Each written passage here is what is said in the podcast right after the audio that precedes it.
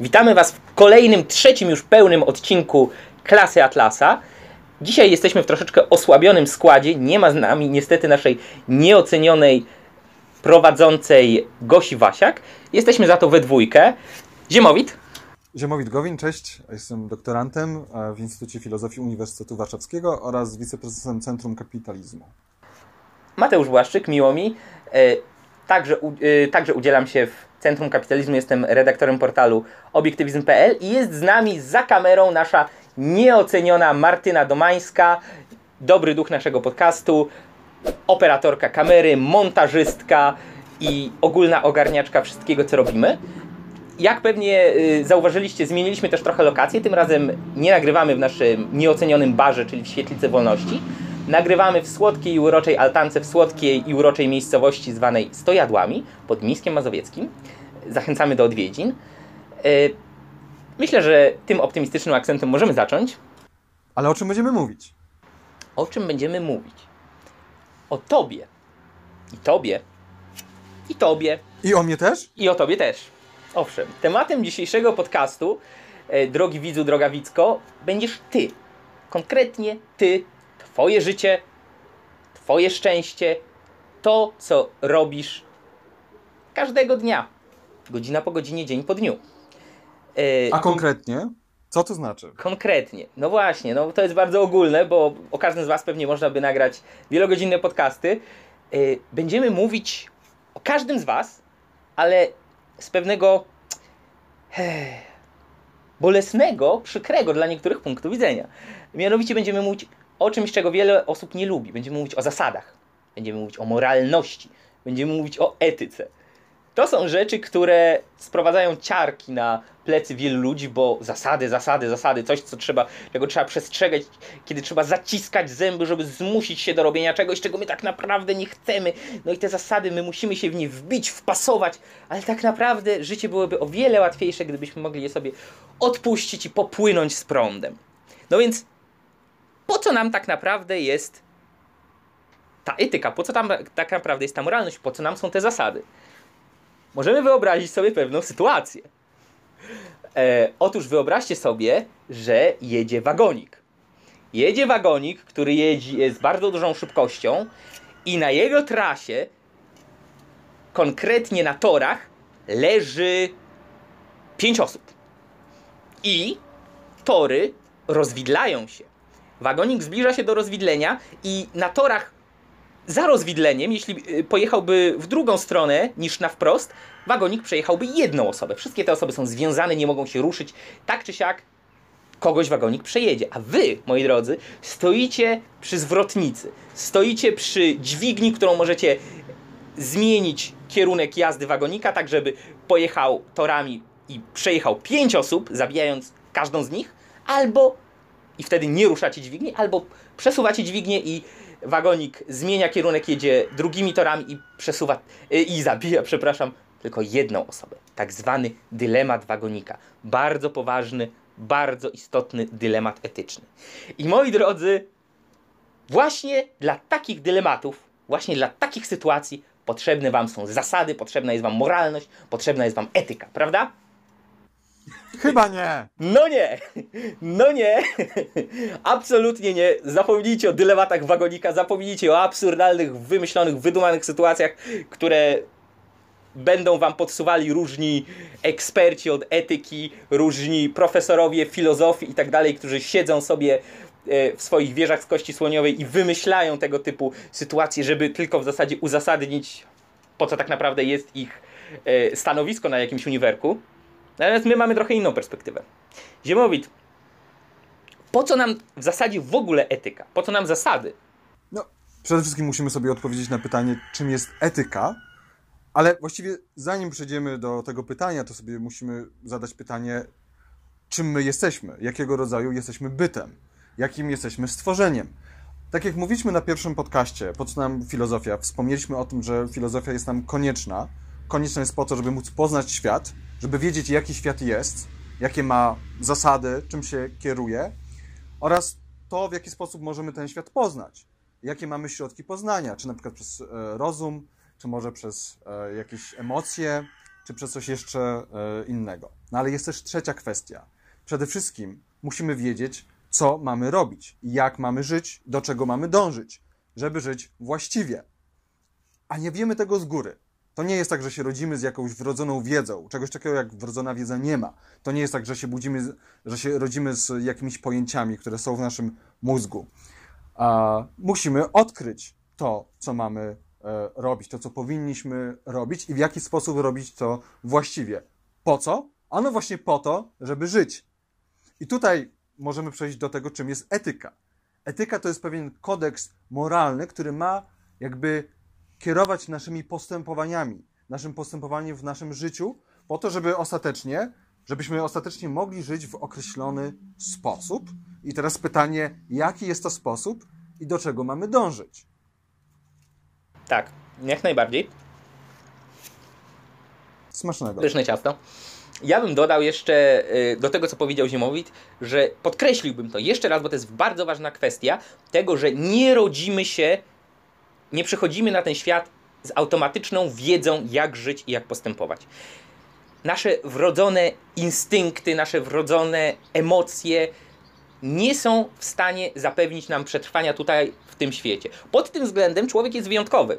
Na plus czy na minus nie nam oceniać, ale różnimy się od roślin, które w sposób automatyczny, zautomatyzowany przeprowadzają proces fotosyntezy, rozmnażają się itd. Różnimy się od zwierząt, które kierują się silnymi instynktami, które pomagają im przetrwać.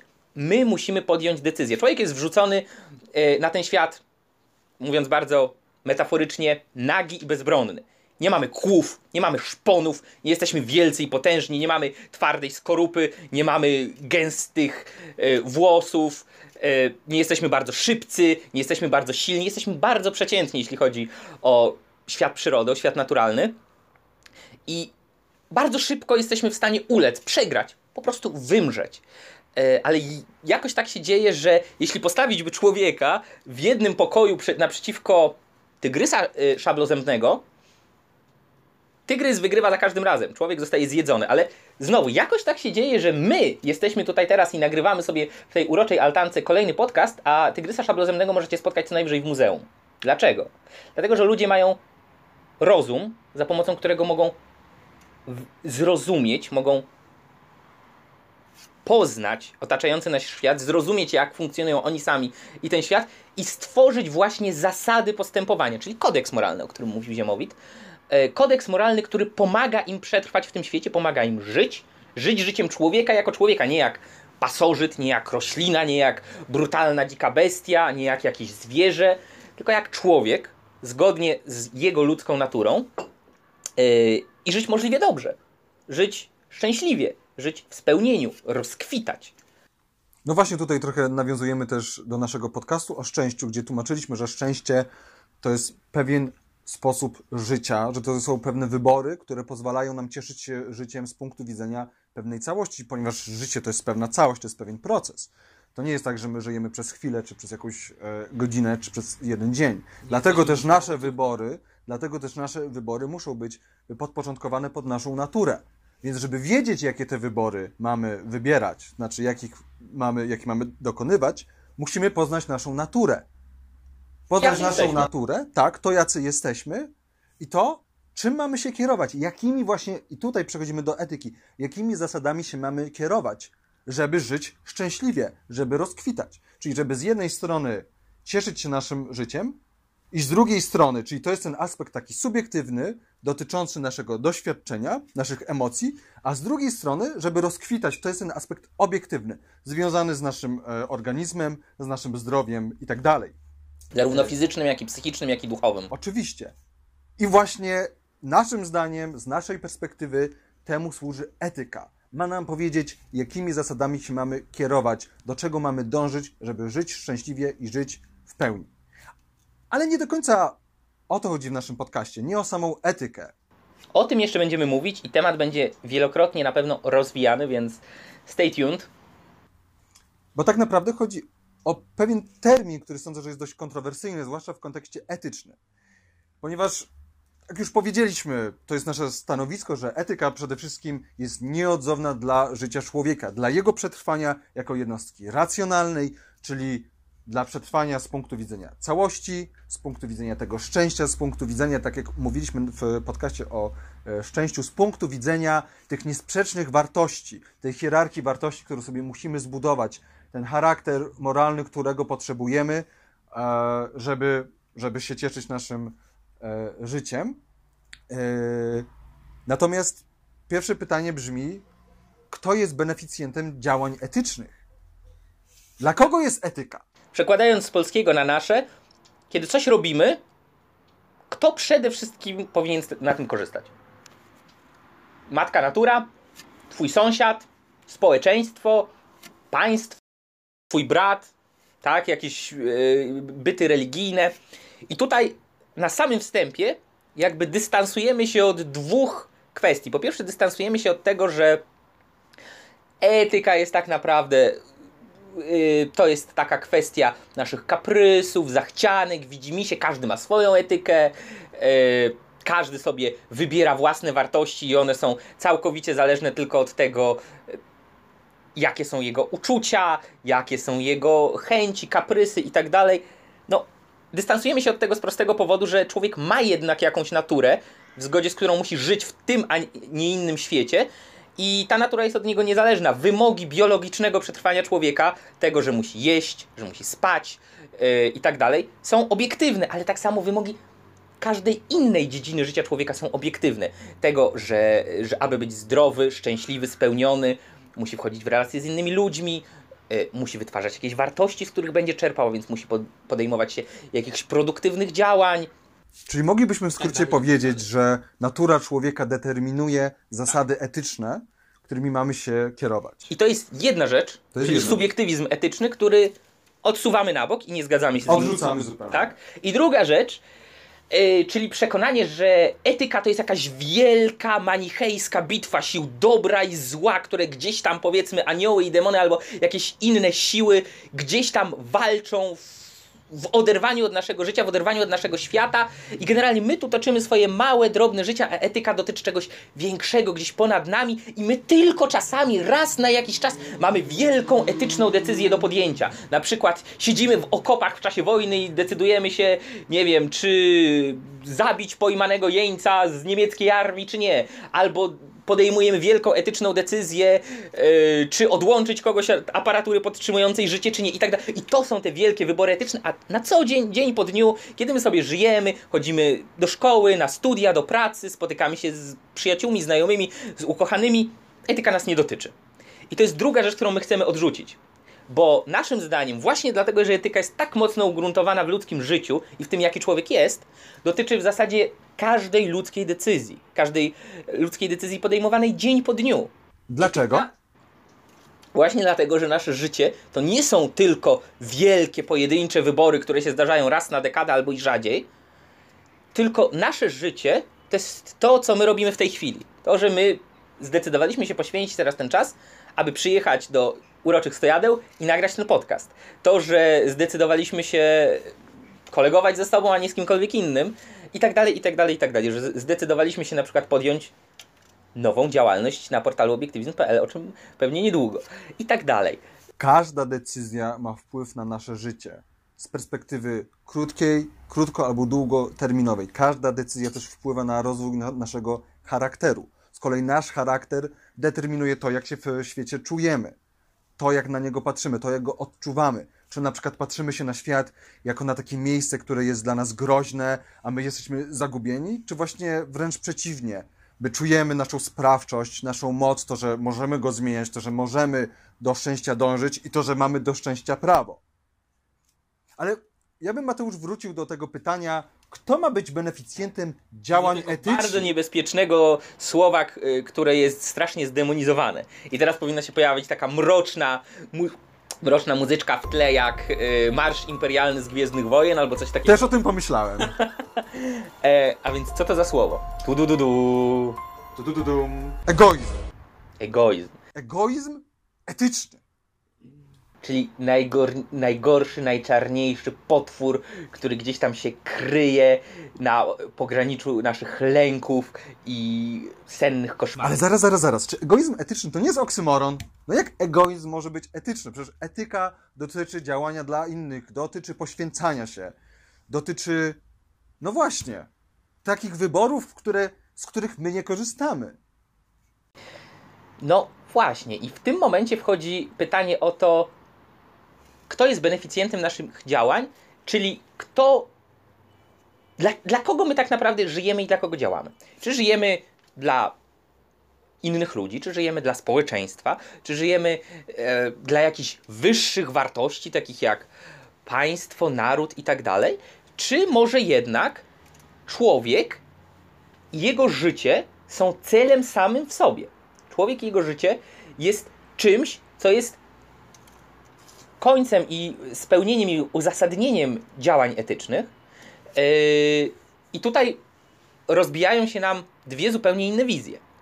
Jedna wizja to jest wizja altruizmu, czyli czegoś, co teoretycznie wydaje nam się bardzo pożądane. Yy, altruista to generalnie w tym, jak się mówi, to jest zazwyczaj synonim kogoś, kto jest, yy, działa dobroczynnie, jest filantropem, jest dobry i życzliwy dla innych ludzi. Ale kiedy tak troszeczkę poskrobać, to nawet twórca tego pojęcia, August Comte, XIX-wieczny filozof, definiował altruizm inaczej. Altruizm to jest po prostu przekonanie, że człowiek ma żyć dla innych, nie dla samego siebie. Nie jego życie, jego dobro, jego szczęście są jego celem i jego moralnym powołaniem, ale inni ludzie. Co to w praktyce oznacza? To oznacza, że człowiek musi się poświęcać na rzecz innych ludzi. Musi poświęcać swój czas, swój wysiłek, swoją pracę, swoje pieniądze, swoje wartości, wreszcie najwyższe możliwe poświęcenie swoje życie na rzecz innych, na rzecz innych ludzi, na rzecz społeczeństwa, na rzecz wszystkich wokół, tylko nie dla samego siebie. To jest wizja człowieka jako zwierzęcia ofiarnego. Jako zwierzęcia ofiarnego, jako kozy, która jest zanoszona na y, ołtarz i zażynana ku czci Bogom. W tym momencie tym Bogiem może być społeczeństwo, drugi człowiek, ktokolwiek. To jest wizja króla azteckiego, a kapłana azteckiego składającego hekatombę z 10 tysięcy y, swoich współbratymców na szczycie piramidy po to, aby następnego dnia e, wzeszło słońce. To jest jakby faktyczne znaczenie słowa altruizm, bo to oznacza konieczność poświęcania wszystkiego na rzecz innych. Ale czy to jest jedyna droga? Czy to jest jedyna opcja? Znaczy, przede wszystkim ludzie w kontrze do altruizmu widzą egoizm, ale egoizm rozumiany w bardzo określony sposób. Jest to egoizm, który jest krwiożerczy. Egoista to jest osoba, która wykorzystuje innych, która robi, co jej się podoba. Działa, idzie po trupach do celu. Idzie po trupach do celu. Jest zaprzeczeniem moralności. Jest generalnie zła. Myśli tylko o sobie. Nikt inny jej nie interesuje. Czy to jest jedyne znaczenie terminu egoizm?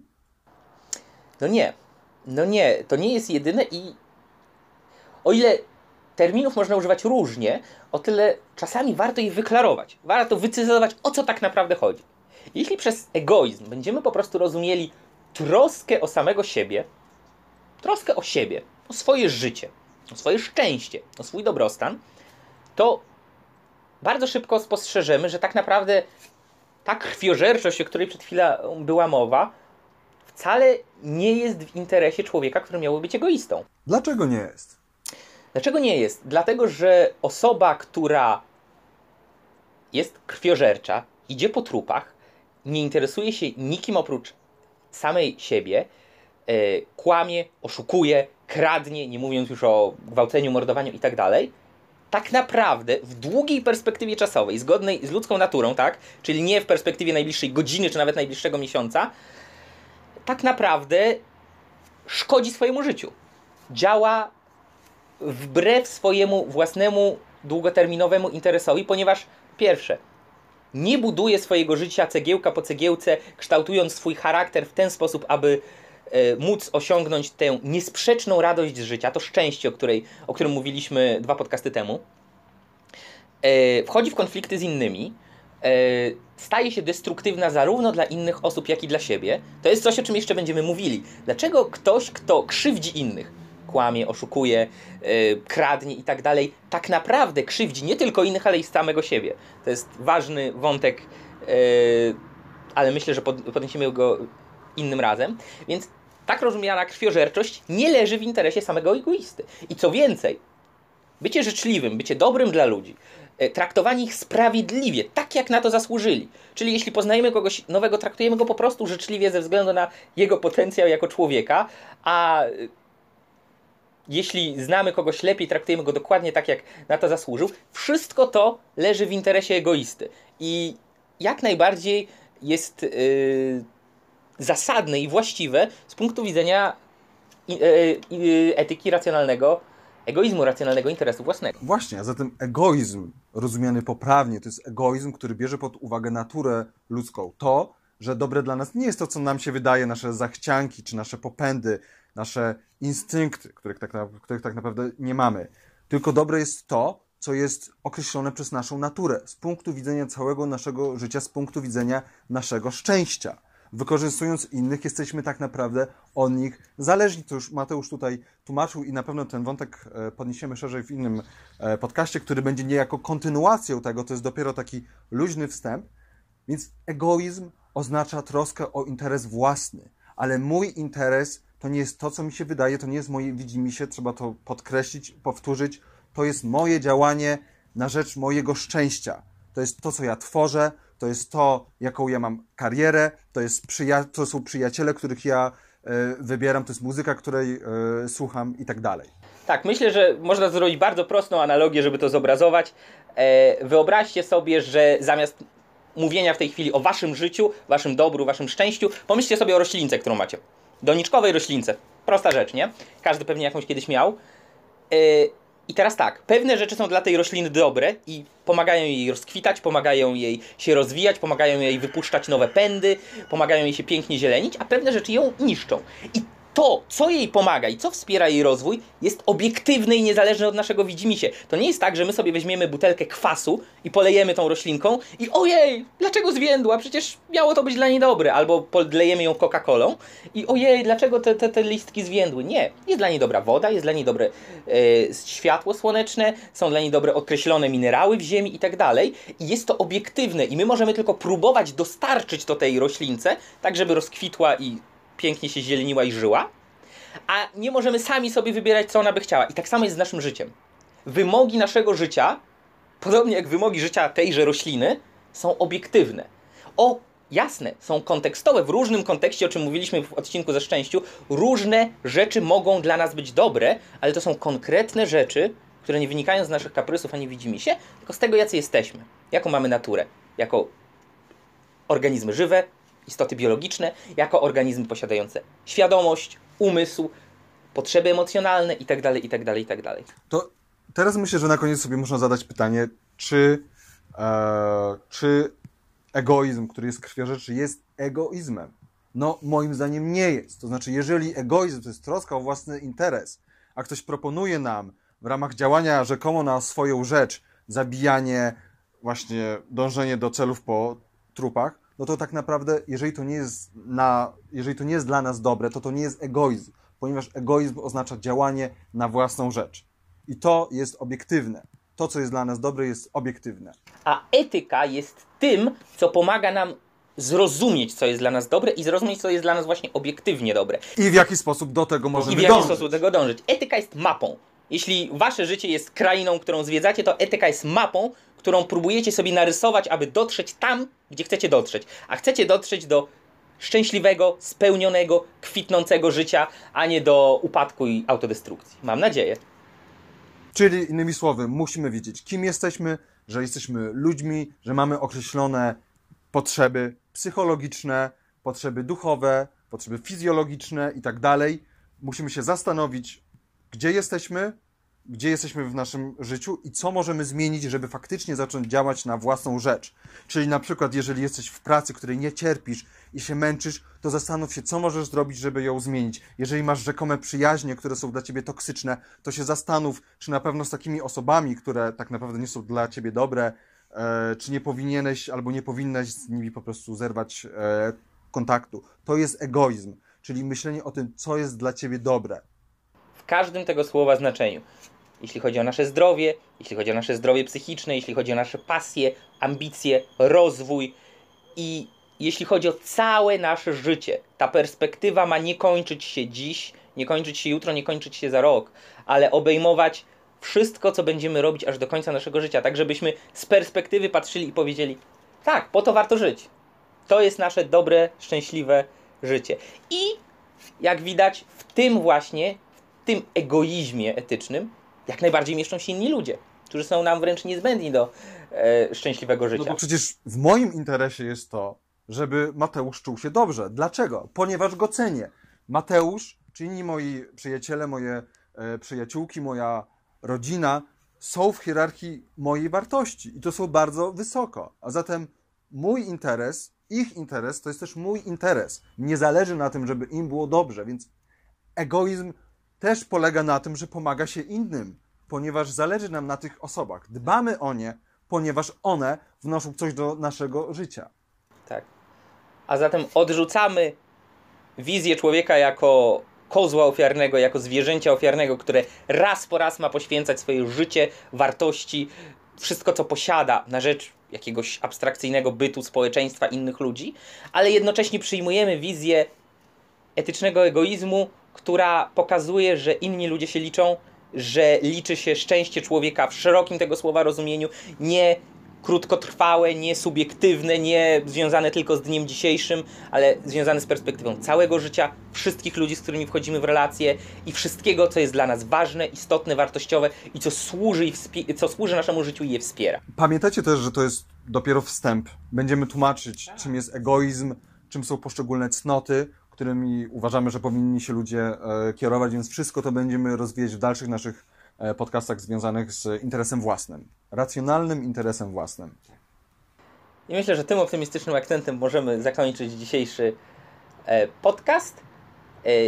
Bardzo dziękujemy zarówno naszej operatorce kamery i montażystce Martynie, jak i miejscu, w którym mamy dzisiaj okazję kręcić, czyli w ślicznej altan- altance w Stojadłach.